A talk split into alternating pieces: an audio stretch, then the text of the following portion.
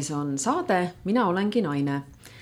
ja täna on stuudios Katri Ristel ja minul on üks äärmiselt armas külaline. üks imeliselt äh, tore, armas nunnu naine. tema nimi on Liisa Kaasik, tere tulemast. tere, Katri ja Liisaga me tegelikult oleme tuttavad juba päris pikka aega, aga me oleme tuttavad tänu sellele, et meil mõlemal on enam-vähem sama vanad lapsed, vähemasti ütleme, minu noorem poeg on umbes sama vana kui Liisa, Liisa kolm last. ja, ja miks me täna siin stuudios oleme Liisaga, on see, et Liisa eh, tegi Tartus sellise vahva kursuse, esiemade raseduse ja sünnitarkuste kursuse ja Liisal on ka erinevaid loenguid ja töötubasid. Lisaks äh, sellele kursusele on Liisa tõeline selline tatraleiva valmistamise professionaal. tal on isegi Facebookis oma tatraleiva grupp olemas või tatratoitude, kuidas see oli?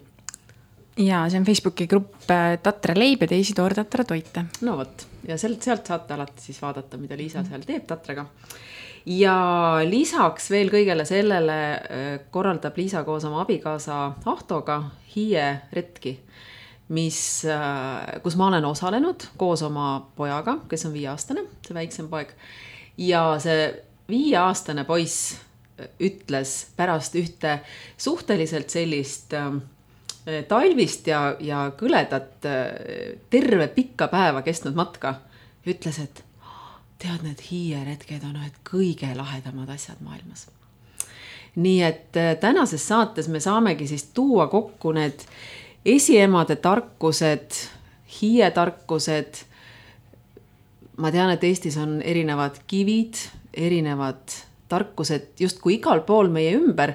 miskipärast Eesti naine väga sageli pöörab oma pilgu nii-öelda välismaiste tarkuste poole aga ometigi me võiksime teada seda, mis on meie enda väärtus sellest, millest me oleme rääkinud ka Merilin Metsvahiga siin eh, eelmises saates Eesti naise rollist ühiskonnas ja perekonnas.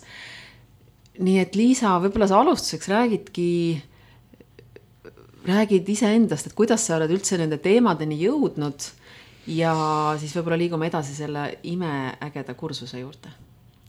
jaa mina jõudsin nende teemade juurde tegelikult äh, tänu abiellumisele Ahto Kaasikuga. et meie pulm juba juhatas mind kiirelt nende esi, esivanemate tarkuste teema, teemani ja sealt rullus lahti äh, kogu mu järgnev huvi. ja Ahtoga abiellusime kahe tuhande kümnenda aasta suvel ja seda pulma ette valmistades äh, ma sain aru, kui, kui vägev pärand on meie rahval. Ja kui palju äh, võimsaid, kaitsvaid, head loovaid äh, selliseid toiminguid, taigasid, nii-öelda rituaale on meie enda rahval olemas. ja, ja sealt, jah, sealt sai see alguse ja edasi siis juba oli, olid lapseootused järjest, on ju, minu, meie esimene laps sündis siis mm,, siis äh, oli huvitav, et kui, kui ma jäin last ootama, siis esimese asjana peale siis arstide külastust ja nii edasi, läksin ma kirjandusmuuseumisse. ja veetsin seal, veetsin seal parajalt palju aega, et aru saada, mida sellest põlisest naiste tarkusest saan ma praegu enda kasutusse võtta.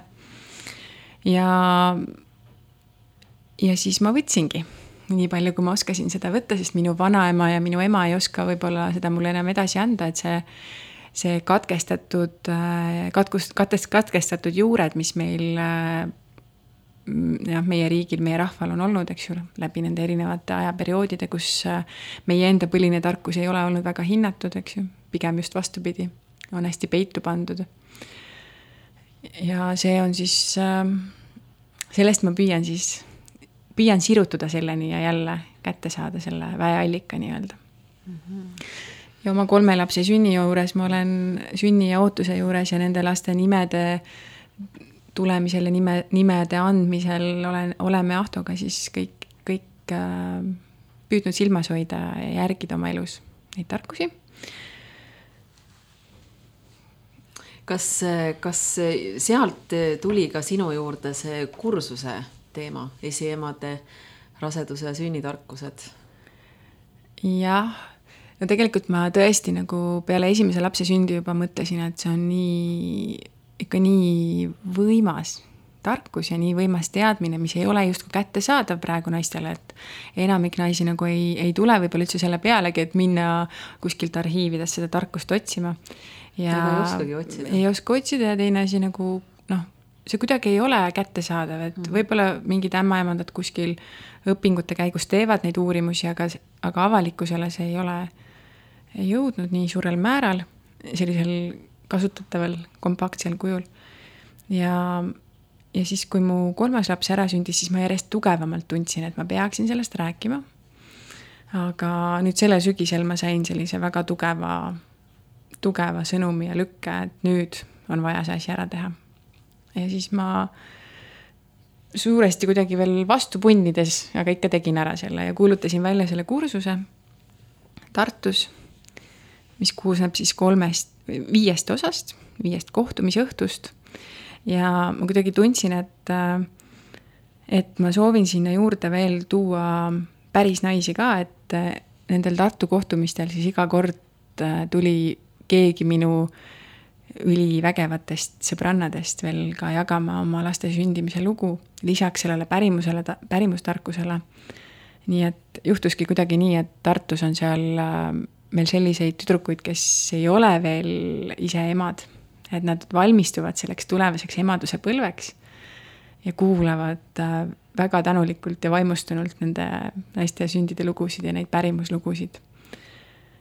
et ähm, selline hästi-hästi südamlik ja ja selline jah, väga palju pakub see mulle endale, see kursus praegu ja, ja ka nendele osalejatele, ma loodan. ja ka mm. nendele naistele, kes tegelikult saavad uuesti oma sünnilugu seal rääkida, sest et et see on hästi tervendav, et mina olen ise hästi palju saanud toetust igast sellisest jagamisest, sellisest mm -hmm. siirast südamlikust jagamisest, et kõik need lood julgustavad, tervendavad, annavad selle uue tegelikkuse sest paraku meie ju emad ja vanaemad, äh, sageli neil ei ole väga kauneid lugusid ja selliseid julgustavaid lugusid rääkida. aga kuidagi tänapäeval on nagu võimalik sündi näha ja kogeda hoopis teisiti mm. -hmm. ja kui sa hakkad nüüd mõtlema, et, et kui naised omavahel hakkavad sünniteemadel rääkima ja sünnituse teemadel rääkima, siis need lood tegelikult ei tahagi ära lõppeda. ei taha jaa. ja kui, kui need lood on äh, sellised positiivsed ja mida ju järjest enam on kuulda või, või siis me liigume Katriga sellises ringkonnas, kus on järjest enam selliseid lugusid, et eks.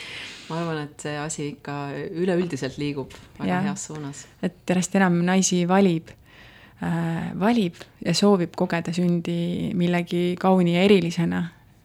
kui, kui ähm, jah, ja sünd on valik ja sünd toimub suures osas peas. ja, jah no nii, kuule, aga räägi nüüd äh, siin, sa räägid viiest kohtumisõhtust, et ma saan aru, et sul on nagu teemade kaupa see kõik ära jagatud. et äh, kui me võtame siit äh, näiteks ükshaaval mõned teemad, hakkame neid otsapidi arutama, et, ähm, et mul on tunne, et siit me jõuame väga põnevate teadmisteni ja tegelikult ma isegi julgeks öelda nagu peaaegu et nagu saladusteni, mida mingil põhjusel justkui meie eest varjatakse ja meile nagu tahetakse anda infot kõige muu kohta maailmas. noh, sa ennem viitasid just Ajurveedale, sa viitasid erinevatele, noh, me ju kõik teame, eks ole, kõik see nii-öelda väljaspoolt tulev informatsioon, mis on justkui suurepärane.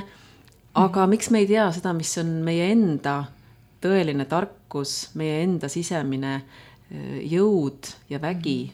et hakkame siit otsast arutama ja vaatame, kus me välja jõuame jaa, et, et tegelikult teiste põlisrahvaste sünni- ja rasedustarkused on metsikult sarnased, et kui äh, noh, Ajurveedat noh, on. see oli lihtsalt näide see oli lihtsalt üks näide ja, ja et, et tegelikult on ju äh, noh, kui me lähemegi ka mingite põlisrahvaste vanade tarkuste juurde, ja siis meie viimasel hiieretkel just äh, seal Paluküla Hiiemeel kõndides tegelikult üks osaleja rääkis mulle, et, et kuidas seal palmi all äh, Aafrika rahvad oskasid tegelikult ka enneaegseid lapsi hoida elus palmiõli sees, palmilehtede sees, võtsid ainult toitmiseks välja. et äh, aitäh Marlenile selle selle info eest, mis ta mulle rääkis, et ma mõtlesin ka selle peale, et, et ähm, jaa, aga meile jõuab hästi palju tõesti mujalt, sest äh, praegu maailm on nii lahti, hästi mm. lihtne on nagu, kuidagi tundub lihtsam nagu äh, võtta, haarata mingi teise äh, info, teise rahva info järgi, aga meil endal siin on ka väga-väga-väga palju tarkust. jah, ja, ja kas see ongi üldse ka vahest selline teise rahva info, et see võib-olla ongi selline, selline rangelt meditsiiniline lähenemine, ütleme siis rasedusele ja sünnitusele ja, ja, ja kogu see soojus ja sisemine tarkus, mida naine võiks kogeda selles protsessis, et see sageli ju justkui nagu arvatakse, et no mis seal siis ikka, eks ole. Et selline tehniline protsess, laps yeah. kuidagi nii-öelda ära sünnitada siis yeah.. et nii ta ju päris ei ole. no ilmselt päris kaugel mm -hmm. sellest tehnilisest protsessist, et et see sünd ikkagi mõjutab äh, meeletult tugevalt nii naist kui sündivat last mm. -hmm. ja, ja mida, mida pehmem ja loomulikum see kõik on, eks ju aga ma räägin siis sellest kursusest, kuidas ma selle kokku panin sellel hetkel, et äh, kuna ma näg-, nägin nii-öelda või kujutasin ette, et me kohtume viiel õhtul ja siis ma jagasin need teemad ära, et äh, esimene teema siis on, on ka järjest aktuaalsem tegelikult e, e, me, meie siin kaasaegses ühiskonnas on äh, laste saamine ja see, kui see ei tule nii ruttu, kui sa ootad ja mm., ja noh, sigimatuse teema et äh, Katri ka jagas oma lehel hiljuti seda ühte, ühte äh, kirjandusmuuseumist üles pildistatud väikest äh, pärimusteadet, kus on siis öeldud, et ussi ussi puudutanud kepiga. ussi tapmise kepp ussi tapmise, see oli veel ussi tapmisega, tegelikult ussid on olnud meie põliskultuuris hästi hinnatud ja armastatud loomad. ja ja kõik need pärimuskatked ei rääkinud ka ussi tapmisest, võib mm -hmm. ka öelda, et ussi puudutanud või ussiga kokku puutunud või noh, kui sa ussi nagu eemale tee pealt oled lükanud, näiteks kolm erinevat ussi, et see tapmine ei ole, ei ole alati olnud nagu eeldus, et see uss mm, -hmm. jah. et jah, kui ma mõtlen selle peale, et, et oligi, oligi ju väga palju rohkem madusid ja usse varem, sest Eesti on valdavalt selline soine, soine ja niiske ja metsane olnud. ja see kokkupuude ussidega oli ilmselt palju lihtsam kui tänapäeval. et siin noh, linnas, eks ju, liikudes väga ei kohta ussi. aga varem, varasemalt, kui oli ju loodusega kooskõlas elati, siis see uss oli nagu ilmselt rohkem nähtav. et äh, üks, üks nendest sigimatuse ravivõtetest ongi siis olnud see kepp, äh, kepiga puudutamine ja räägi sellest täpsemalt, mis selle kepiga tuli või ma räägin ise selle loo ära, et see on tegelikult, mis see oli Sinul minu jaoks, oli see, minul tekkis ja. kohe seos hormoonvõimlemisega mm, -hmm. sest see Eesti pärimus nüüd siis ütles, et eh, selle naise eh, kandu, kes siis ei saanud mm -hmm. kuidagimoodi käima peale, tuli eh, salaja. vasakut kanda vasakut kanda oli seal või? Mhm. ah okei et vasakut kanda tuli siis koputada selle ussi puudutamise kepiga või ussi, ütleme siis selle kepiga, millega oli puudutatud ussi. ja minul tekkis koheselt seos hormoonvõimlemisega, kus on väga mitmed harjutused eh, kus me kandadega nii-öelda põrutame või kopu-, noh, mitte ei põruta, eks ole, aga just mm -hmm. koputame vastu põrandat mm. -hmm. ja seda nii püsti seistes kui istudes on neid harjutusi, eks ole, erinevaid ja samas need eh, hormoonvõimlemise harjutused on pärit eh, erinevatest viljakusrituaalidest, erinevate mm -hmm. rahvaste viljakusrituaalidest mm, -hmm. mis eh, noh, kuidagi viib täielikult selle süsteemi jälle kokku, eks ole, et mm, -hmm. et ei ole midagi uut siin maailmas. jaa, et ähm, jah, see kolm korda puudutamine, jälle see kolme korra maagia -hmm. ka on ju, et seal, seal on see olemas ehm,. jaa, see sigimatus kui naine abiellus, eh, sai ta naiseks, teda tanutati, siis tegelikult eh, selle abiellumise ja pulma toimingute, rituaalide juurde kindla peale käis, eks ju, tanutamine, et naine ei olnud, ennem abielus, kui ta oli tanu alla saanud. ja tanutamisega kaasneb äh, selline hästi sügav naiste tarkus ja vägi. Põlvest, põlvest, põlvest, põlvest põlve, et see tanutamine võib-olla on olnud, ma ei tea, kui, kui palju aasta, sadu või lausa tuhandeid vana. Ja kui seda on kogu aeg tehtud järjepidevalt nagu naiselt naisele, naiselt naisele, tanutab naine, keda tanutas tema esi, esiema ja tanu-, tanutab edasi, siis sellega äh, mina ise, mina ise olen tanutatud äh, oma pulmas ühe naise poolt, kes äh,, keda tanutas tema vanaema ja tõenäoliselt oli tema tanutatud veel oma ema või vanaema, tõenäoliselt vanaema poolt. et äh, mina tundsin küll, et see tanutamine andis mulle mingi hoopis teise nägemise ja, ja, ja teistsuguse naiseks olemise tunnetuse. et ma hakkasin süüa teistmoodi oskama teha või nagu see oli üks, üks asi, mida ma märkasin, et äh, see läks mulle väga kergeks ja, ja mingid sellised naiselikkuse teemad tulid, tulid hästi kergusega peale tanutamist. ja ühtlasi annab see ka tohutu kaitse naisele. väe ja kaitse ja tarkused. et see on kindlasti üks selline toiming, mida, mida ma ise tunnen, et on olnud põhjuseks, miks, miks mul need juured nii kuidagi tõmbavad mind. ja, ja ma tahan, tahan seda tarkust kätte saada tanutamine on ühtlasi ka, eks ju, selle, see annab naisele õiguse kanda ka põlle ja, ja siis noh, õiguse ja kohustuse katta oma pea, millega, millega siis äh, ta näitab oma staatust, et ta on nüüd abielunaine.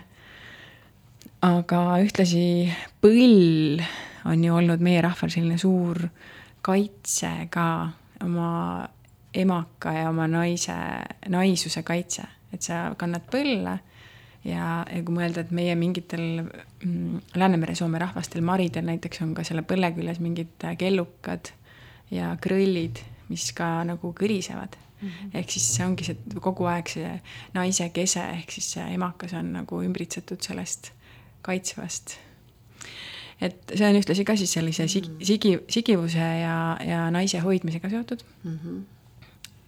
et äh, tanutamine, siis on meil muidugi olnud ka ju äh, igasugused äh, äh, liukivid ja allikad, titte saamise allikad ja liukivid, kust naine siis läheb paluma omale titte mm. -hmm. liukivilt laseb pepuli alla.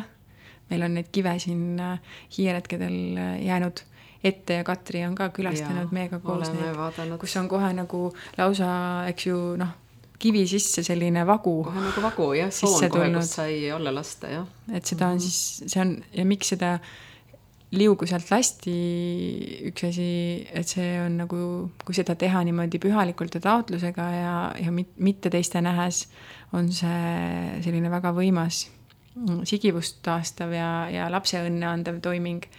aga see on ka lihtsalt lõbus ja meie tänapäevased liumäed, mis meil täna ju siiamaani igal mänguväljakul on, on ju tegelikult sellesama liukivi edasiarendus. et see, et, et kiikumine on lõbus ja teeb õnnelikuks ja see, et liu laskmine on lõbus ja teeb õnnelikuks, et seda teadsid juba inimesed päris, päris ammu. et see on nagu meie osa olnud mm, -hmm. meie inimkonna osa. lihtsalt mõnu ja lõbu pärast ka tehakse selliseid asju mm. -hmm. ja see on ju nagu huvitav, et, et, et peab justkui nagu äh, ütleme, vabandama selle koha peal, et, et peaks meil olema lõbus ja mõnus. et seda peaks meil ju kogu aeg olema. no millal sa lasid viimati Liumäel alla nagu, Katri äh,? jaa, nüüd oli küll sul vale küsimus siin praegu millal sa lõbutsesid? ma lasin, tead, see oli talvel, kui me käisime seal Liukivi peal siin. siis lasid? jaa, jaa mm, -hmm. siinsamas minu seal Pirita kandi kusagil metsas oli see Liukivi, jah. jaa, see, see tuleb äh tuleb mul alati nagu nii, nii tore vaadata seal hiiretkedel, kuidas tulebki see laps välja inimestest ja nad ja. nagu lähevad nii õnnelikuks ja rõõmsaks, kui me seda teeme.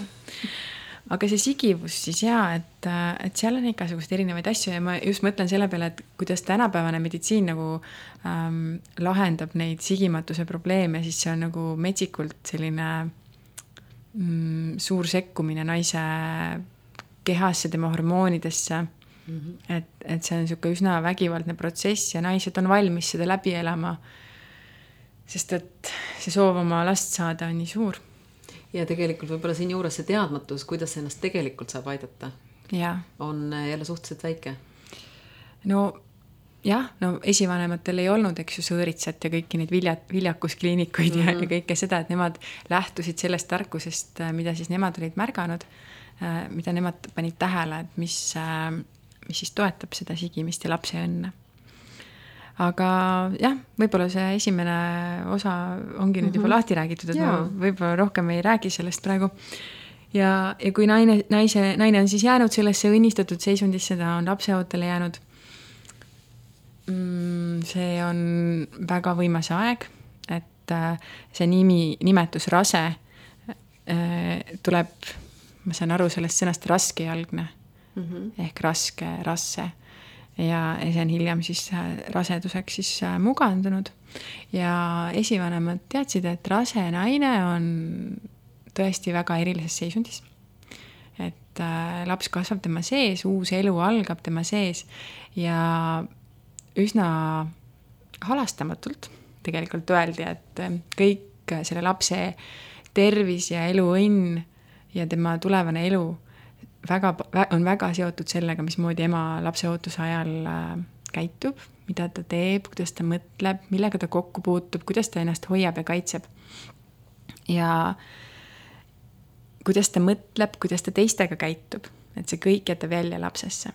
üks äh, selliseid tugevamaid lugusid, äh, mida ma pärimuses, pärimusarhiivides siis olen lugenud, tegelikult tabas mind just eelmisel nädalal, kui ma käisin uurimas äh, sünnisõnade kohta tegelikult, aga märkasin seal ühte, ühte sellist lugu, kus üks Saaremaalt pärit Anse külas elanud naine kirjeldab, et ta on näinud ühte tüdrukut, kelle, kellel oli puudu Äh, vasaku käe keskmine sõrm ja see tagumine seal, see, see lugu, see taust selle taga oli selles, et, äh, et äh, tuhande üheksasaja viieteistkümnendal aastal, kui oli sõtta minek, siis tema ema äh, jäi koju rasedana, kui tema isa viidis, pidi siis minema sõtta, aga naabrimees oli nii tark, et tema lõi endal ühe sõrme otsast ära ja pääses seetõttu sõtta minekust ja terve selle lapseootuse aja see naine mõtles, et no miks siis minu mees ei võinud seda teha. Et neid sõrmi on ju küll, et paar tükki siin või seal. ja iga kord, kui ta seda naabrimeest, meest nägi ja tema sõrmi vaatas, siis ta nagu mõtles kahetsusega selle peale ja, ja tal sündiski tütar, kellel oli siis vasaku käe keskmine sõrm puudu.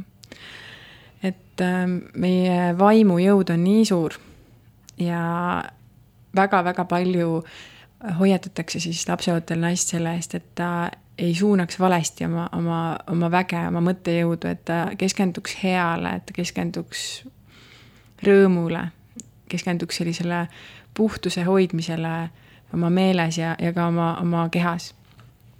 et, et see, see loob väga palju selle tulevase lapse elu. Et kui lapsest saab joodik, siis on süüdi ema kui, kui lapsest saab varas, siis ju siis ema rasedusaeg tegi midagi valesti, varastas kuskilt. ja, ja tegelikult on olnud ka kogukonnal äh, soovitus ja, ja kohustus hoida seda lapseootel naist ja teda, mitte panna teda nagu sellistesse ärevatesse olukordadesse ja, ja mitte üks asi, mis ka on olnud, et äh, kui lapseootel naine midagi palub teistelt siis tema palvele tuleb vastu tulla, tema soov tuleb täita. samal ajal see lapseootel naine ei tohi seda oma eriseisundit ära kasutada ja hakata nagu nii-öelda liiga palju paluma või noh, küsima seda, mida tal tegelikult vaja ei ole, lihtsalt nagu nii-öelda ahnuse pärast või ära kasutades seda seisundit. ja, ja selle kohta on mul endal ka nagu päriselt kogemus, et kui ma südamest äh, rasedana olen palunud abi ja minu abist on keeldutud, siis äh, tagasi vaadates ma võiks öelda, et äh, võis juhtuda, et, et see oli seotud sellega, et mi, miks nendel inimestel pärast tekkis mingi ebaõnn elus mm. -hmm. et noh, ma, ma jah, see oli sihuke siiras, siiras palve, millest keelduti ja, ja pärast jah konkreetsemaks, ma ei taha praegu minna selle ja, ja, näitega. aga see on väga, väga kõnekas juba ja, jah ja meie loitsudes on teada ka, et noh, on teatud nagu ravimisvõtted, kus on vaja, et rase naine oleks tema puudutus või tema ligiolek on oluline selle mingi, mingisuguse tervendus, tervenduse tegemisel. ma praegu jälle konkreetsemaks sellega ei lähe, aga, aga et see raseda naise vägi ja tem-, tema olek on väga eriline, mida, mida siis on märgatud. ja selles erilises olekus on, on ka sellist nagu tema, tema olek on väga ligitõmbav erinevatele äh, positiivsetele ja negatiivsetele vaimulenditele. et seetõttu on lapseootel naisel ka suur kohustus ennast kaitsta ja kogu aeg mõelda selle peale, et minu sees kasvab laps ja ma pean, pean ennast kaitsma ja hoidma kogu aeg, et ta kasvaks, et ta saaks turvaliselt kasvada terveks, ilusaks lapseks ja sündida. ja seetõttu eh, lapseootel naine kaitses ennast äh, näiteks punase lõngaga ümber kõhu ja mina tegin seda ka kõikide oma lastega, et äh, kohe, kui ma sain teadlikuks sellest, et, äh, et minu sees kasvab väike inimene, siis äh, kas koos oma mehega või, või üksinda panin, panime siis koos sellise lõnga enda, minu kõhu ümber ja, ja huvitav oli see, et esimese lapse puhul see lõng tahtis pidevalt uuendamist. ja viima-, viimase lapsega see, seesama lõng, mis ma panin seda kui, kui ma sain teada, et ma ootan last, äh, jäi kuni sünnituseni pisa, pidama, et see, see lõng ka nagu kogub siis endasse äh, kõik, kõik sellised ehmatused või eba, eba noh, meeldivad kontaktid või sellised nagu, ta kaitseb nagu siis seda last seal kõhus ja, ja ema, ema üska väga hea, teeme siia vahele äkki ühe väikse muusikapausi ja siis äh, lähme edasi, meil on siin veel mitmed teemad äh, ootel. aga kohtume siis õige pea, eetris on saade Mina olengi naine. oleme eetris Nõmme raadios neljapäeviti kell kakskümmend kaks. Ja sinule sobival ajal leiad sa meid internetist, kas Nõmme raadio kodulehelt või mina olengi naine.ee kodulehelt küsi, mis on õnn. õhturahu, üks käepigistus ja rohkem pole vaja.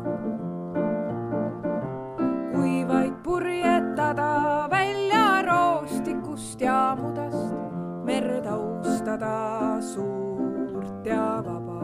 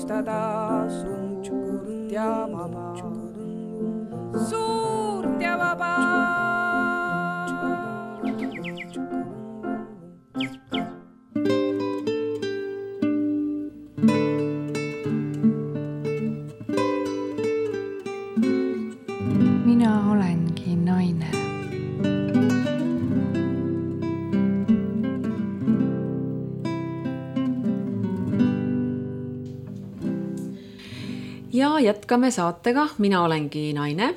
täna on mul stuudios külas Liisa Kaasik ja me räägime esiemade raseduse ja sünnitarkustest. ja saate esimeses pooles rääkisime ära juba eh, selle nii-öelda eh, titeootuse teema, selle, mis eelneb rasedusele, kas ja kuidas siin meie esiemad on või millised on olnud need, need rituaalid ja, ja võimalused, et, et seda äh, rasestumist soo-, soosida ja ka selle osa, et kuidas rase naine saab ennast kaitsta ja mis on, mis on siis oluline sellel perioodil. aga nüüd liigume edasi. mis siis edasi saab, kui see naine on ükskord, ükskord juba rase? siis see aeg muudkui veereb edasi. jaa, et ähm, võib-olla ma veel räägin sellisest tarkusest, et esiemad on, on väga selgelt äh, pidanud oluliseks saladuse hoidmist. ja ka lapseootuse algus, mis on väga õrn ja hell aeg, samuti sünd ja sünnituse algus on need kaks asja, mida, millest tark naine ei räägi. vähemalt mitte alguses, et muidugi sa räägid sellest siis, kui juba sul suur kõht ees on, et siis mis, mis siin ikka salata enam. aga kui naine jääb last ootama, siis see on niivõrd hell ja õrn aeg. esimad teadsid, et äh, lapsele tuleb hing sisse siis, kui ta liigutama hakkab ja kui ta liigutama hakkab, siis ta tavaliselt on juba ka tegelikult natuke näha ja see kõht hakkab juba välja paistma. et siis on, on see loomuke, selline sõna, pärimuslik sõna on meie keeles loomuke, loote kohta. loomuke on piisavalt tugev, et, et siis juba neid võõraid pilke ka äh, ära taluda. Aga sellel ajal, kui loodus veel ei näita kuidagimoodi välja seda, et naine ootab last, et tal ei lähe, ma ei tea, nägu teist värvi või mingid asjad ei kasva kuskile mm, -hmm. et siis tegelikult tark naine ei pea sellest rääkima ja, ja ta, ta hoiab sellega selle lapse turvalist ja rahulikku kasvamist. et paratamatult nagu see uudis on nii tore ja, ja, ja isegi lähedastel inimestel on väga raske seda saladust hoida ja, ja noh, ma olen seda nii palju märganud, et kuidas see uue inimese sünniuudis tõesti levib, ma kuulen mingisuguste suvaliste tuttavate kohta, et oo oh,, kas sa teadsid, et ta ootab last, no ma ei pea seda teadma tegelikult mm. -hmm. et ta saab rahulikult seal ema kõhus kasvada ja isa loomulikult teab ja, ja noh, mis see siis annab kellelegi rohkem või vähem, kui ta teab pikemalt sellest.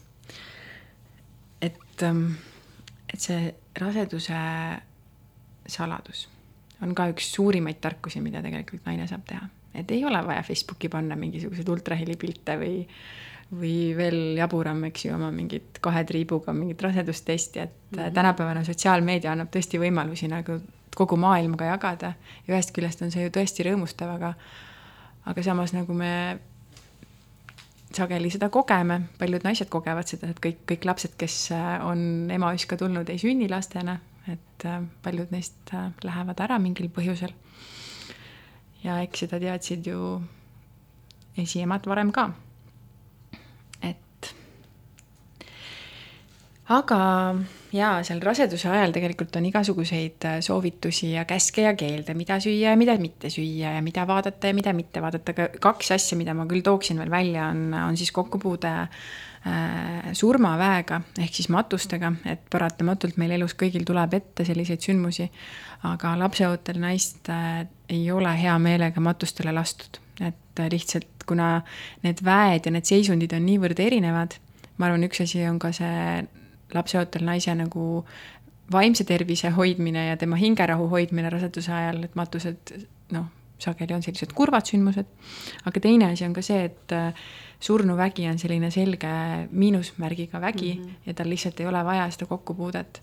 ja, ja lapseootuse ajal on, on ka lapse isa kokkupuude äh, surmaga, näiteks tapmisega, et öeldakse, et laps, kui naine ootab last, siis tema mees ei peaks näiteks loomatapmise juures osalema et see mõjutab ka seda äh, last, loodet mm. -hmm.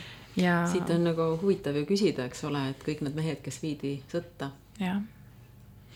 no see, mis on olnud, on olnud mm -hmm. ja need lapsed on sündinud ja elanud või ja. siis ei ole sündinud või on, et see on nüüd juba see minevik, aga kui sa saad nagu luua seda teadlikult, siis on noh, kui sul on valik, siis mina näiteks valisin mitte minna ka oma vanaisa matustele oma esimese lapse sünni eel. Sest ja kõik mõistsid seda, mitte keegi mm -hmm. ei pannud seda halvaks, et, et ma ei läinud, sest noh, ma olin kohe-kohe sünnitamas mm. -hmm. ja noh selline teadmine ja, ja teine asi on siis, kui sünd juba algab. ka sellest ei peaks rääkima.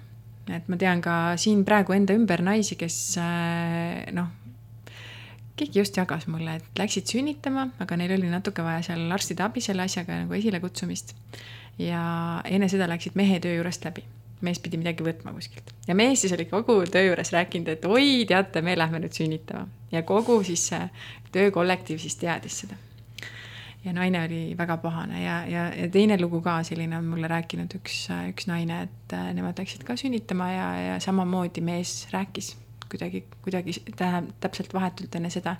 ja neil olid kaksikud ja üks lastest äh, ei jäänud elama ja naine arvab siiamaani enda hinges, et, et siin oli seos, et kui ei oleks teised teadnud, võõrad inimesed sellest pühast erilisest sündmusest, mis on sünd. ja on selline ütlus ka, mina olen tänapäeval kuulnud seda, et ära lase väge välja see on natuke seesama asi, et, et sellel ajal, mida puhtam on sinu ruum, sinu vaimne ruum, see sünnituse nii-öelda tuba või sünnituse ruum sellest, eh, nendest muretsevatest lähedastest inimestest, nende mõtetest. et nii tore on niimoodi ära sünnitada, ma olen ise seda kogenud, et hommikul saadad sõnumi, et laps sündis mm, -hmm. et keegi ei, ei, ei mõtle ennem, ei muretse ennem selle pärast. vaid eh, sa rahulikult turvaliselt, mõnusasti sünnitad ära ja siis lihtsalt saadad teate, et kõik on hästi, meiega on kõik hästi ja laps on sündinud ja sünni ajal äh, on, äh, ongi ju naine ja laps lähevad mõlemad väga, väga tundlikust, väga, väga sellisest äh, lahtisest ja hellast kohast läbi, et äh, põhimõtteliselt elu ja surma väravatest. ja selle sümboliks on ka siis äh, sinine ja punane värv, me näeme seda hästi palju Rahvariide vöödel ja ja, ja seda kasutatakse väga palju meie rahvamustrites, sinist ja punast värvi. see siin, meil on juhtmed ka siin, sinised mm -hmm. ja mhm. punased, mhm. mis on nagu justkui sünni, sünni ja elu ja surma sellised sümbolid. ja mm, jah, et mida, mida rohkem sa saad seda sündi kaitsta ka kõrvalise pilgu eest ja sünnituse ruum, eks ju, kus meil vanasti sünnitasid naised, oli saun, püha pühapaik, vanade eestlaste pühapaik, saun, suitsusaun, mis oli ühtlasi ka selline steriilne keskkond, sest et antibakteriaalne, eks ju, see suitsu, suitsutatud koht.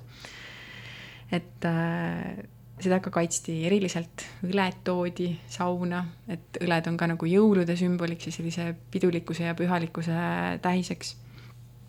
no mina pean küll ütlema, mina õlgade peale sünnitanud, kuigi saunas saunas on äh, kaks last meil äh, küll ilmale tulnud, küll mitte suitsusaunas. aga, aga et sünd äh,, sünni ajal on olnud ka sellised äh, meie rahva kaits-, kait-, kaitsjad, sellised pühad äh,, pühad naiste kaitsjad nagu Rõugutaja ja Viruskundra, kelle poole on palvetatud.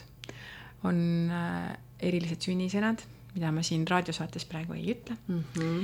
ja, ja meie rahvas on ka teadnud, et naised on kahte tõugu, on hobusetõugu ja maarjatõugu. et äh, hobusetõugu naised on siis need, kes üldse sünnitusvalusid ei tunne. Sünnitavad niimoodi, et nad ei pane tähelegi. et küll ja küll on neid lugusid, kuidas ema läks lehma lüpsma ja tuli kahe tite, noh tuli titega tagasi ja, või, või kuskil seal tegi naine heina ja siis korra astus kõrvale ja oligi see tita seal et, et niimoodi nagunii muuseas on, on see sünnitamine toimunud ja, ja Karl Ernst von Baer on samuti oma raama, oma tähelepanekutes, et eestlaste endeemilistest haigustest äh, on öelnud, et äh, sünnitavad nagu loomad. Maarahva naised sünnitavad nagu loomad, et nad ei tunne valu. mina ka oma esimese lapse sünni puhul väga lootsin, et ma olen ka see hobusetõugu naine, aga tuli välja, et ei olnud. ja teine tõug on siis see Maarja tõugu ehk sellised äh, õrnad, pehme nagu sellise saleda kondiga pikk, pikka kasvu või, või sellist, noh, siuksed nagu saledad mm -hmm. naised, kellel siis mõnikord on äh, raskem sünnitus mm,. Mis siis veel rääkida sellest? sünni juures on jah, neid igasuguseid nagu nõuandeid, et kuidas see sünnituba ära kaitsta ja kuidas, kuidas nagu äh, ümbritsevad inimesed, eks ju, kellest tavaliselt ongi siis see ämmamoor või ämmaemand olnud. meest on ka põliselt väga sageli palutud sünnitusel appi, sest mees annab naisele tugevasti jõudu. lihtsalt tema juuresolek ja ka see, et ta aitab mingeid asendeid sisse võtta. Ja ja aga jah, üldiselt äh, on, eks ju, saladus, et teised ei tea mm. -hmm. aga kuidas seda sünnitustuba või sünnitu-, ütleme seda sauna siis äh, kaitsti või, või mis mm? -hmm. Äh, on kasutatud ohutamist erineval moel, ohutamine ehk siis kaitsmine mm. -hmm. üks asi on terariistade kasutamine, et seal sünnituse koha Äh, kus naine siis parajasti sünnitab, kus ta viibib nagu oma kehaga, on pandud mingid kirved või nõelad või, või metall, sellised tööriistad, lambarauad. et öeldakse, et see võtab äh, pistevalusid ära, ehk siis tuhusid, põhimõtteliselt sünnitusvalusid. ja, ja ka kaitseb. ja teine asi on see, noh, saunas võib-olla seda pole tarvis teha, aga ohutamine näiteks Nõmme liivatee äh, suitsutamisega ja hõbe, hõbeda kaapimisega, seesama hõbevalge, mida me anname mhm. allikalainniks, allikahaldelainniks. et igal juhul äh, selle sünnitava paiga nii-öelda väike palve selle, selle toa nii-öelda haldja kohta, et nagu meie rahvas ju on uskunud, et kõikidel tubadel, majadel on oma haldjas, oma, oma kaitsevaim. et tem-, temalt teda appi paluda ja temale mingit meelehead anda, et, et sellel naisel oleks lihtsam. ja üks huvitav asi veel on andestamine, et seal, et kui naisel sünnitus väga hõlpsasti ei lähe, siis on soovitatud, et ta paluks andeks oma ema ja oma isa ja oma mehe ja kõigi käest ja isegi pange käest, kelle, mida ta jalaga on löönud umbes vett tuues, selline teade on olnud. ja ja naine on kogu aeg sünnitusel liikunud, et seda on öeldud ka, et, et pikali ei ole sünnitatud, et see paneb, see hoopiski nagu peatab sünnitegevuse mm. -hmm. et see tänapäeval hästi levinud nagu selili sünnitamine, mida, mis on arstidel kindlasti väga mugav nagu sündi vastu võtta, siis äh, meie, meie rahvas ei ole niimoodi sünnitanud või noh, loomulik sünd on nagu ise ei tuleks nagu selle peale, et sünnitamise ajal ennast selili visata. selili visata, eks ole, jah, jah. noh, näiteks ma ei tea, mõtled kassi või koera peale, siis ta ka nagu, kui ta sünnitama hakkab, siis ta nagu ei lähe ja ei viska ennast selili käpad taeva poole ei hakka sünnitama, et ta pigem valib ikkagi mingi natuke teise poosi mm. -hmm. aga sünnitusjärgselt kohe on, on ka väga õrn ja tundlik aeg. Äh, ja öeldakse isegi, et kolm kuud peale sündi on, äh, on äh, haud lahti mõlema jaoks, ema ja lapse jaoks mm. -hmm. ja, ja, ja sellel perioodil on, on, on väga oluline ka, mismoodi seal äh, toimetatakse, näiteks äh, vastsündinud last, kellel veel nime ei ole, see väga eriline aeg, väga tundlik aeg on just selleni, kuni ta nime saab. kuidas vanasti nimi lapsele anti, noh, väga pikalt, eks ju, kirikus aga kui me lähme sinna päris arhailise nime andmise traditsiooni juurde, siis seda on tehtud allikal ja seda on teinud ema. ja, ja et ema läheb lapsega allikale ja, ja pritsib talle seda allikavett ja hüpitab last kolm korda ülesse ja lausub talle tema nime ja samal ajal ka manab lapsele tulevikku, annab talle kaasa igasuguseid õnnistusi, et mida ma näen, et sul võiks olla, et tulgu sul ja olgu sul kõik mm. see ja too mm.. ja kui mina oma esimese lapsega siis äh, kõndisin, ta sündis talvel läbi paksu lume sinna allikale, siis ma mäletan, kui, kui pühalik ja vägev tunne see oli, et mina olen tema ema, mina olen ta sünnitanud. loomulikult mina olen see, kes annab talle nime ja mina olen see, kes teda õnnistab ja võtab ta oma kaitse alla kogu eluks. Et, et see oli, see oli minu jaoks sihuke hästi suur äh, avardumine ja kohalejõudmine emadusse. ja, ja põliselt nimed on tulnud äh, ennetena loodusest mm. -hmm. Kui... ja ma just tahtsin küsida, et kuidas need nimed tulid? just, et, et nii nagu igasugused need erinevad väed tahavad osa saada sellest algavast elust ja ümbritsevad seda naist siis juba raseduse ajal. Ja põhimõtteliselt nad nagu kogu aeg annavad märku, et vali mind, vali mind. Ja enne sündi siis me oleme ka Ahtoga äh, võtnud selle hästi sellise häälestunud sellele, et nii, et mis on selle lapse nimi, mis on tema, mis on see vägi, mis, mis annab tema nime, mis kingib meile tema nime? Ja, ja kui sellise häälestumisega enne sündi ja sünnijärgsel ajal olla, siis see on täiesti imeline, mis toimuma hakkab, et äh, tõesti põnevaid olukordi tekib ja mingisugused, ma ei tea, linnud tulevad kuskile jalutama, näitavad ennast mingid loodusnähtused, mm, mingid olukorrad, mingid hingeseisundid nagu jah, et äh, see, siin on tegelikult hästi lai, lai nii-öelda valik, mis kõik võib olla lapse nimeks aga see enne tõenäoliselt on nii tugev, et ta nagu ikkagi väga selgelt kõnetab ema, ema või isa. Tõenäoliselt ema sest et ema on see, kelle, kes kannab last ja, ja tunneb selle ära, aga, aga see muudab selle lapseootuse ja lapse sünni eelse aja nii pühaks ja kauniks minu jaoks. et äh, see on üks väga ilus tava minu arust meie, meie rahva põliskultuuris. ja kui laps jah, et kui väike tita on sündinud, siis muidugi see, ka see emakook ehk platsenta on üks asi võib-olla, millest peaks veel eraldi rääkima mm, -hmm. et toimingud sellega, kuna emakooki arvatakse olevat justkui lapse teine ema ja tal on väga eriline, eriline seos lapse ja naise tervisega, sünnitanud naise tervisega. ja teda tuleb väga suure austusega kohelda, isegi kohati, see ei olnud küll väga levinud, aga mingites kihelkondades on äh, platsentat maetud surnuaeda. sest et ta on justkui lapsega võrdväärne mm. -hmm. ja aga meie, no ta traditsioonilisem viis võib-olla on olnud lihtsalt see, et äh, see emakook on äh, ilusti ära pestud, seda teeb ema, ema ise, see naine, kes sünnitas või, või ämmaemand nagu sinna, seda ei tohiks üldse näha kõrvalised isikud, ta on väga, väga eriline püha ja lapsega seotud. selle emakoogiga võib last veel tervendada, nagu tänagi me teame, et näiteks kodusünnitusel ämmaemandad annavad tükikese platsentat emale suhu kohe peale sünnitust, sest selle sees olevad äh, hormoonid aitavad koheselt emakale asuda kokku tõmbama ja naisel sünnijärgselt taastuma. miks loomad söövad kohe ju oma kõik need päramised ära, mis tulevad teised pooled öeldakse ka, teised mm. pooled päramised, lapse teine ema mm,. emakook, minu arust nii tore sõna, palju parem kui platsenta. ja, ja siis ta noh, jah, ära, ma arvan, tervet platsentat ära süüa ei ole nagu mõtet. kindlasti ühe korraga mitte, eks ole. jah, aga, aga igal juhul ta on nagu väike tükikene nagu kohe peale sünnitust on täiesti omal kohal ja ja siis, et kui lapsel on keha peal mingisugused äh, siis mingisugused ehmatuse või mingid jäljed siis rasedusest jäänud või mingid muud punetused, siis selle platsentaga niimoodi tupsutada sealt pealt äh, öeldakse, et võib, võid lapse nagu naha terveks teha mm. -hmm. ja. kas sinul on, räägi, see platsenta mm, -hmm. minule kuidagi see platsenta teema hästi mind kõnetab mm. -hmm. et kas sinul või mis kogemused on sinul platsentaga? et mis mina näiteks tegin sellega mm -hmm. või? Um,? meil on uh, kohe vahetult peale lapse sündi ma tundsin, et ma ei taha seda veel kuskile matta või ära viia enda juurest, et on olnud ikkagi äh, meie majapidamises äh, tõenäoliselt tänapäeval parim lahendus on külmkapp mm. -hmm. aga seal külmkapis ma ka kuidagi iseenda tunnetuse järgi tundsin, et ma väga kaua seda hoida ei taha.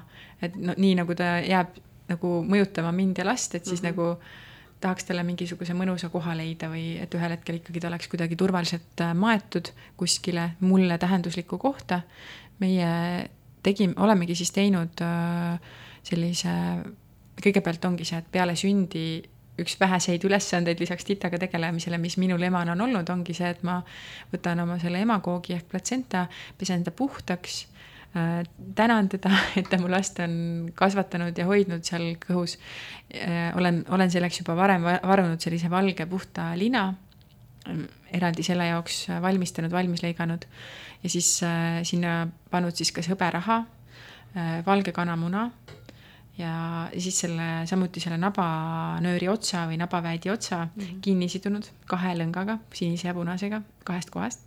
et, et ta jääks nagu niimoodi nagu suletud, et sellega on nagu hästi, et mingi halb ei saa sinna nii-öelda sisse minna mm. -hmm. lapse nabanööri samamoodi kahe, kahest kohast oleme kinni sidunud.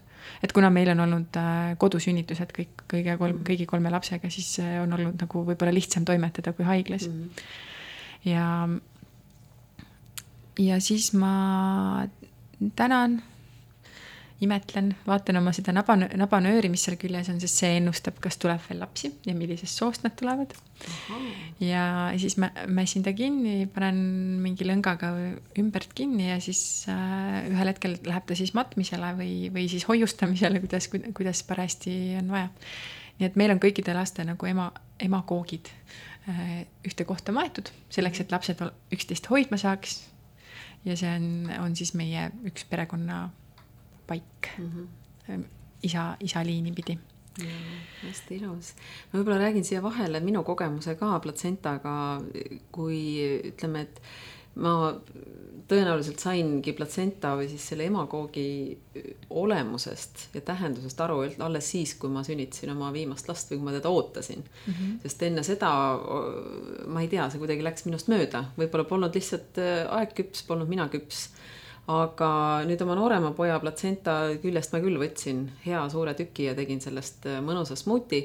et kõik, kes seda kuulevad, seda, seda äh, platsenta nagu söömise juttu, et on naisi, kes võtavad seda väga ju noh, loomulikult, eks ole, see on mm -hmm. noh, mis see oli, see hobuse tüüpi naine, eks ole, et, et see kuidagi tundub nagu, et et noh, mina olen näiteks, olen see hobuse mhm. tüüpi naine, eks ole, et mulle on öeldud, et noh, see võiks su töö olla, et oh. lapsi kanda ja sünnitada. aga, aga, aga tõesti, et kuidas, noh, see on tekkinud, tekitanud ka küsimust, et kuidas seda platsentat siis süüa, eks ole, et sa tegelikult ei võta sealt nagu seda tükki ja ei hakka teda nätsutama vaid noh, see, kuidas mina ja väga paljud teised naised on seda kasutanud, on teinud smuuti. ja kui sa teed smuuti näiteks selliste suhteliselt tugeva maitseliste äh, marjadega, maasikad, mustsõstrad kindlasti. Nad annavad äh, sellise väga, ma ütleksin, väga rammus smuuti tuli sellest, äärmiselt rammus smuuti ja kui ma isegi täna mõtlen, siis äh, noh, ütleme, et see tarkus, millega ma need marjad sealt valisin, sest mhm. noh, minu see noorem poeg sündis juuni keskel et äh, mul ei olnud kohe võtta põõsast ja kusagilt, ma võtsin ikka sügavkülmast mingeid asju. et, et see kombinatsioon, mis sealt kokku tuli et see oli nagu hämmastavalt äge ja tõenäoliselt täna ma ei oska sihukest kombinatsiooni kokku panna, sest see oli nagu selle mhm. hetke mm -hmm. kombinatsioon. ja peale sünnitust üldse vaata see esimene söök, mis sa peale sünnitust sööd, see nagu tundub, sööd noh, nii jumalik. ma mäletan, ma sõin mingisugust võileiba, mis mu kasutütar mulle tegi peale teise lapse sündi, siis mul on siiamaani see maitse nagu see värske võileib öösel kell pool viis mm. mm. eks ole noh, see smuuti võib ka olla nagu sihuke, mida sa mäletad elu lõpuni seda maitset on ju jaa, aga mis, me oleme siin päris palju teemasid juba ära rääkinud, et loomulikult nagu kõige selle kohta on nii palju metsikult äh, rohkem rääkida mm. -hmm. aga, aga räägi nüüd sellest, eks ole, kui me paneme lapsele nime ära mm, -hmm. siis on kindlasti kogu see äh, perekond ja sõpruskond mm -hmm. ja mhm. tutvuskond, kes tahavad selle lapsega ka ise tutvust teha. jaa, et see on see nurganaise aeg, et vahetult, kui naine on äh, sünnitanud, tegelikult on, on enne veel, kui laps on nime saanud, kohe vahetult peale sündi, on kogukond tulnud äh, tervitama last ja, ja mitte igaüks, vaid tegelikult kogukonna abielus olevad naised, äh, kes tulevad, kellel on selline, mida nii-öelda parema nime ja parema järje peal naisterahvas, abielunaine tuleb, tüdrukud ei tohi tulla kes ei ole abielus mm, -hmm. kes ei ole laste emad. et eh, niisama sinna jõlkuma ei ole lubatud, aga, aga just see abielunaine, kes tuleb ja toob ka väga suure anni kaasa, ehk siis nagu katsikupudru või mingi katsikuks on mingil ajal isegi lausa loom eh, ohverdatud, et lapsele tuua näiteks kana või, või, või mingi põrsas. et, eh, et kui, kui me lähme sinna päris algsesse aega arhailisesse aega, siis jah, see looma ohverdamine lapsele, sündinud lapsele kingiks.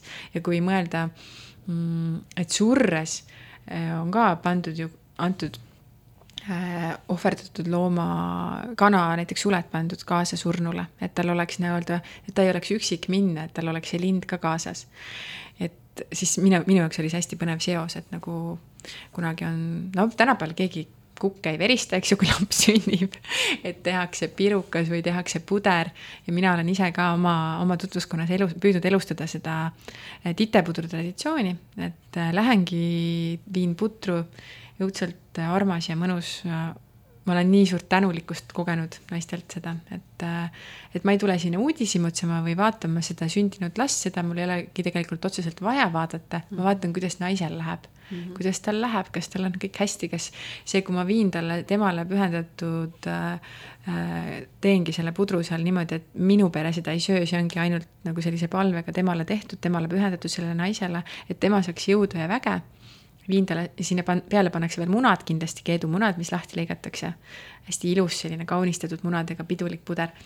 ja siis äh, traditsioon on siis selline, et kui äh, eriti veel, kui tüdruk on sündinud ja selle pudru viid, siis see tuleb ruttu-ruttu lahti pakkida ja ruttu peab ema võtma sellest esimese ampsu, et see mõjutab siis lapse mehele saamise õnne saaks ruttu mehele, et see on nagu olnud, olnud väga tähtis. et noh, vanatüdrukuks ei jää, sest et vanasti ikkagi ju teati, et äh, päris elu algab abiellumisega, enne seda on nagu mingi tilulilu et, et aga see selline sünni, sündinud naise toetus, vaadatakse üle, kuidas tal läheb, kuidas ta ennast tunneb, mida ta vajab.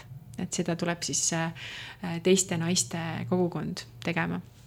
Ja, ja siis antakse talle siis miks seal on see nii-öelda mm, titevarvaste kastmine ja räägitud sellest mingist äh, viina joomisest sealjuures, siis ka see on olnud tegelikult põline traditsioon, et antaksegi lonksukene, veel parem kui kaks, sest lapsel on ju kaks jalga, kaks lonksu titeviine nii-öelda või sellist äh, nagu lapse sündimise puhuks tehtud erilise maitse ja lõhnaga selline võib-olla marjadega või magusat pandud sisse selline väike amps, et, et siis tuju tõsta.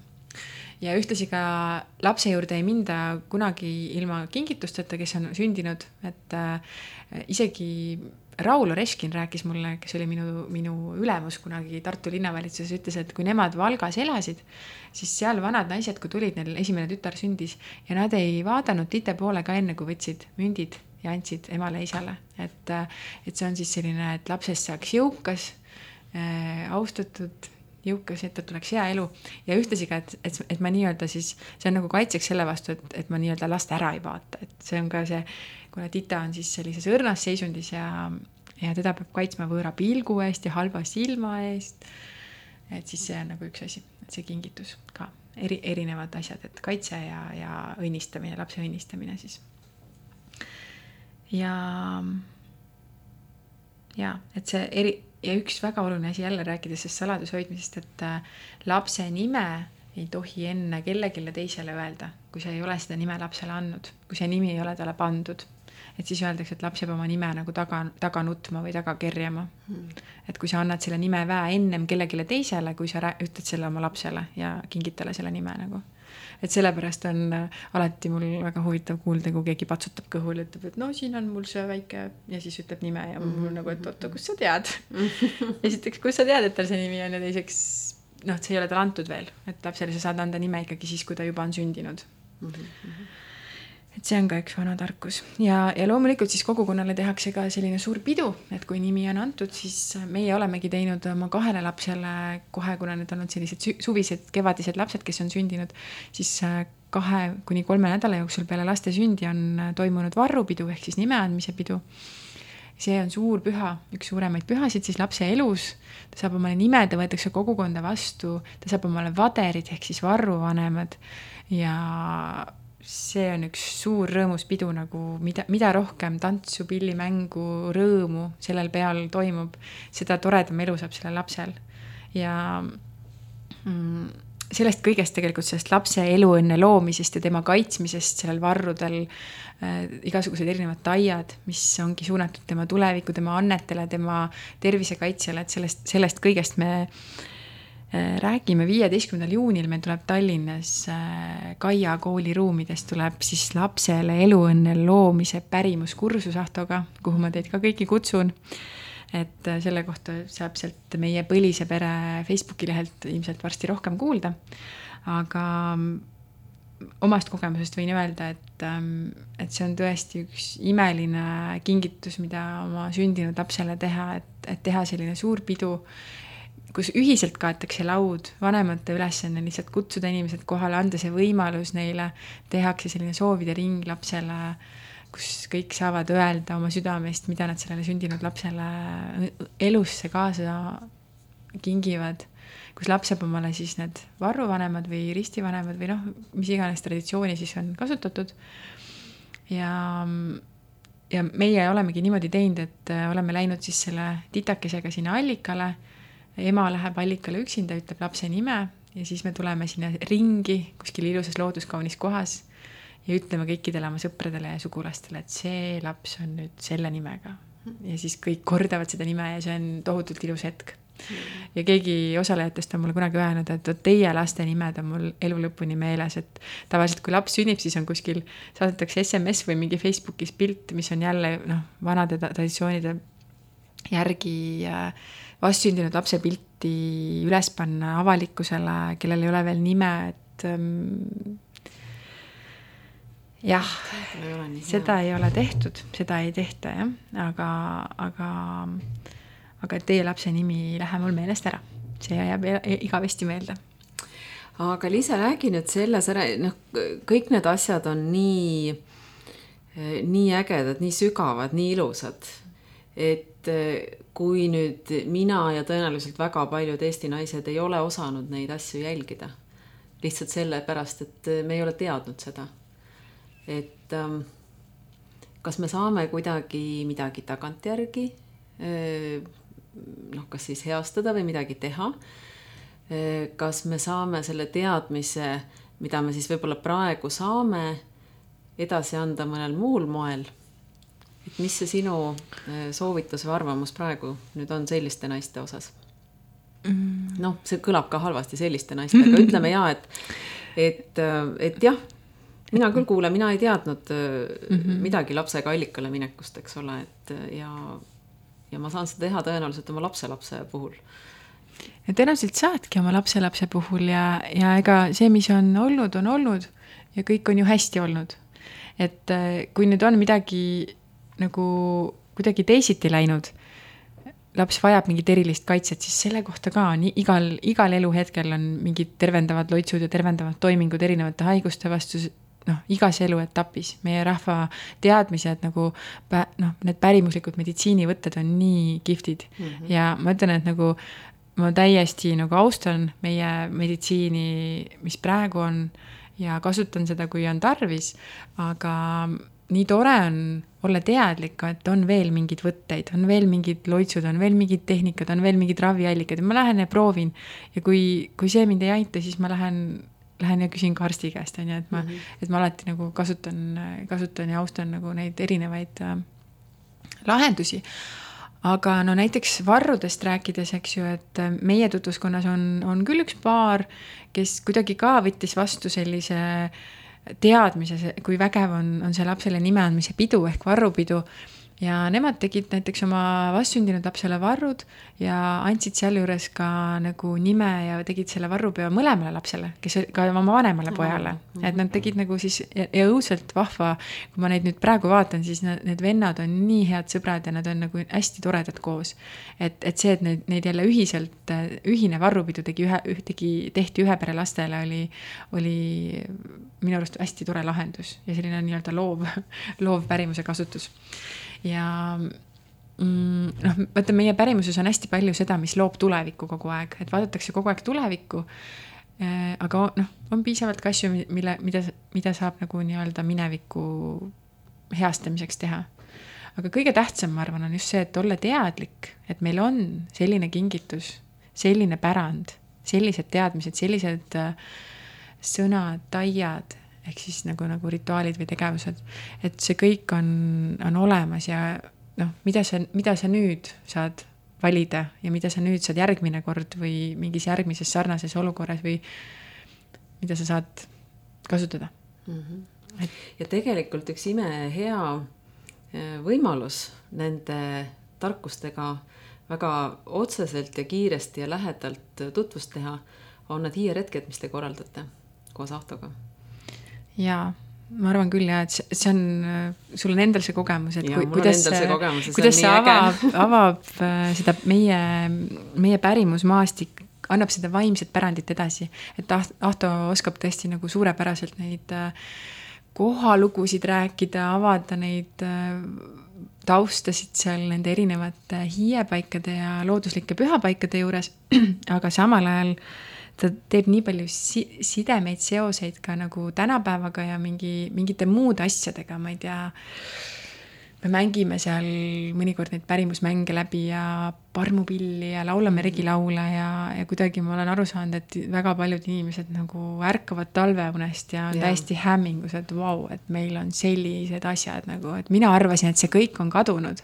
hästi palju ma olen nagu näinud sellist tõelist tänulikku ja sellist hämmast, hämmistunud, hämmastunud olekut inimestel. Et need on hästi vahvad ja mina siin kohe teengi teie järgmisele hiieretkele reklaami, sest see toimub juba sellel laupäeval, üheteistkümnendal mail ja siis te olete liikvel Keila, Muraste, Tabasalu piirkonnas mm. -hmm. ja sealt edasi veel mai lõpupoole, kahekümne kuuendal mail olete te, teete rannikuretke Juminda piirkonda. Juminda poolsaarele, et, et ma usun, et need mõlemad on äärmiselt ägedad, sest nad on seal rannikupiirkonnas ja seal on kindlasti väga palju, näiteks kindlasti on neid liukive. ja mis on naiste, naiste sünnituse ja kõige sellega seotud loomulikult mm. -hmm. ega igal pool on hästi kihvtid äh, nagu, kihvtid paigad, kus on nii naised kui mehed väge saanud. ja, ja hästi, kusjuures eelmisest ähm, hiieretkest minu jaoks äh, või võib-olla üldse nendest kõikidest, kus ma olen osalenud, kõige suurem hämming oli see, kui keset raiesmikku, keset raiesmikku oli ohvrikivi kuna sealt kaartide pealt oli siis see nii-öelda see ohvrikivi staatus oli nagu ära kaotatud, eks ole, et siis võis sealt ümbert rahulikult metsa maha võtta. aga seal kivi peal lohkudes olid mündid erinevatest aegadest, seal oli Lenini peaga münt, seal oli Saksa, Saksa münt. et see oli täiesti hämmastav, et need metsamehed ja mitte keegi teine ei olnud neid asju sealt ära võtnud ja kui sa selliseid asju näed see oli nagu nii võimas, et ma olin nagu, kas tõesti? et, et hämmastav jah. kõik ei ole asju, kadunud veel. kõik ei ole kadunud ja, ja isegi kui see, kui see imeline mets sealt ümbert võeti maha, eks ole mm, -hmm. siis äh, see kivi oli koos oma, oma müntide ja ohverdustega seal ikka edasi. no kivi pealt ei tohi võtta tegelikult, eks ju, see on anniks antud, seda ei ja. ole hea endale kaasa võtta, aga. mis tähendab, et inimestes veel on seda teadmist, eks ole, et kõik, kõikidest ei ole saanud harakad, et no neid lugusid nagu siin ja praegu ka noh, nii häid kui halbu nii-öelda, kus, kus see kus inimesed on saanud nii toetust kui ka nagu nii-öelda mittekohase käitumise eest karistada, on siin, siin ja praegu, et see kõik elab lihtsalt nagu natuke mingi kateloori all, et, et hästi tore on nagu võtta see loor sealt pealt ära ja, ja näha ja saada oma juured tagasi. jaa, sest see annab hästi-hästi palju, palju jõuda, nii et tead, Liisa, mina teeksin sulle väga siin saate lõpetuseks sellise väga huvitava ettepaneku, millele sa oled ka ise juba varem mõelnud, sest sa ennem sellele vihjasid. pane see palun kõik nüüd kirja ja, ja anna välja üks raamat. väga hea. et kui nüüd on kuskil mõni kirjastus, kirjastaja, kes nüüd kuuleb, siis ma olen täiesti valmis äh, valmis seda tegema, ootan ettepanekuid. pastakas on soe juba ja liisa.kaasik.gmail.com väga vahva mm, -hmm. aga selle suurepärase üleskutsega me tõmbamegi tänase saate otsad kokku. stuudios oli Liisa Kaasik, me rääkisime esiemade rasedus- ja sünnitarkustest. Te kuulate Nõmme raadiot, eetris oli saade Mina olengi naine ja kõik saated leiad sa siis nii Nõmme raadio kodulehelt kui mina olengi naine.ee kodulehelt ja saad meid kuulata neljapäeviti kell kakskümmend kaks Nõmme raadiost ja kordusena laupäeviti kell kakskümmend üks. nii et soovin sulle ilusat õhtut või päeva või hommikut, mis iganes hetkel sa satud kuulama ja kohtume järgmises saates